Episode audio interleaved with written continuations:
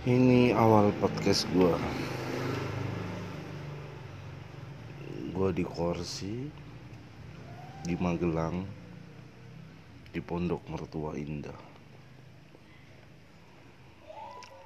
Di tengah suasana Wabah virus Corona.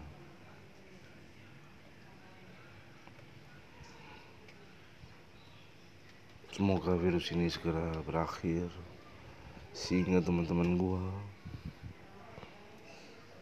keluarga masyarakat Indonesia pada umumnya bisa kembali tenang bisa berkembali beraktivitas